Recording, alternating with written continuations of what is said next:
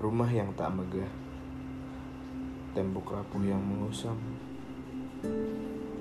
Bukan perkara besar megahnya, bukan juga harga di dalamnya.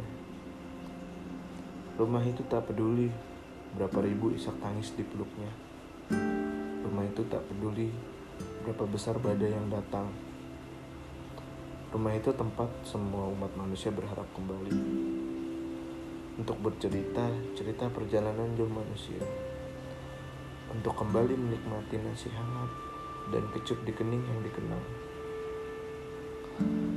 Tak peduli berapa kali digusur, rumah itu tetap kokoh. Rumah itu mengajarkan ribuan materi kehidupan.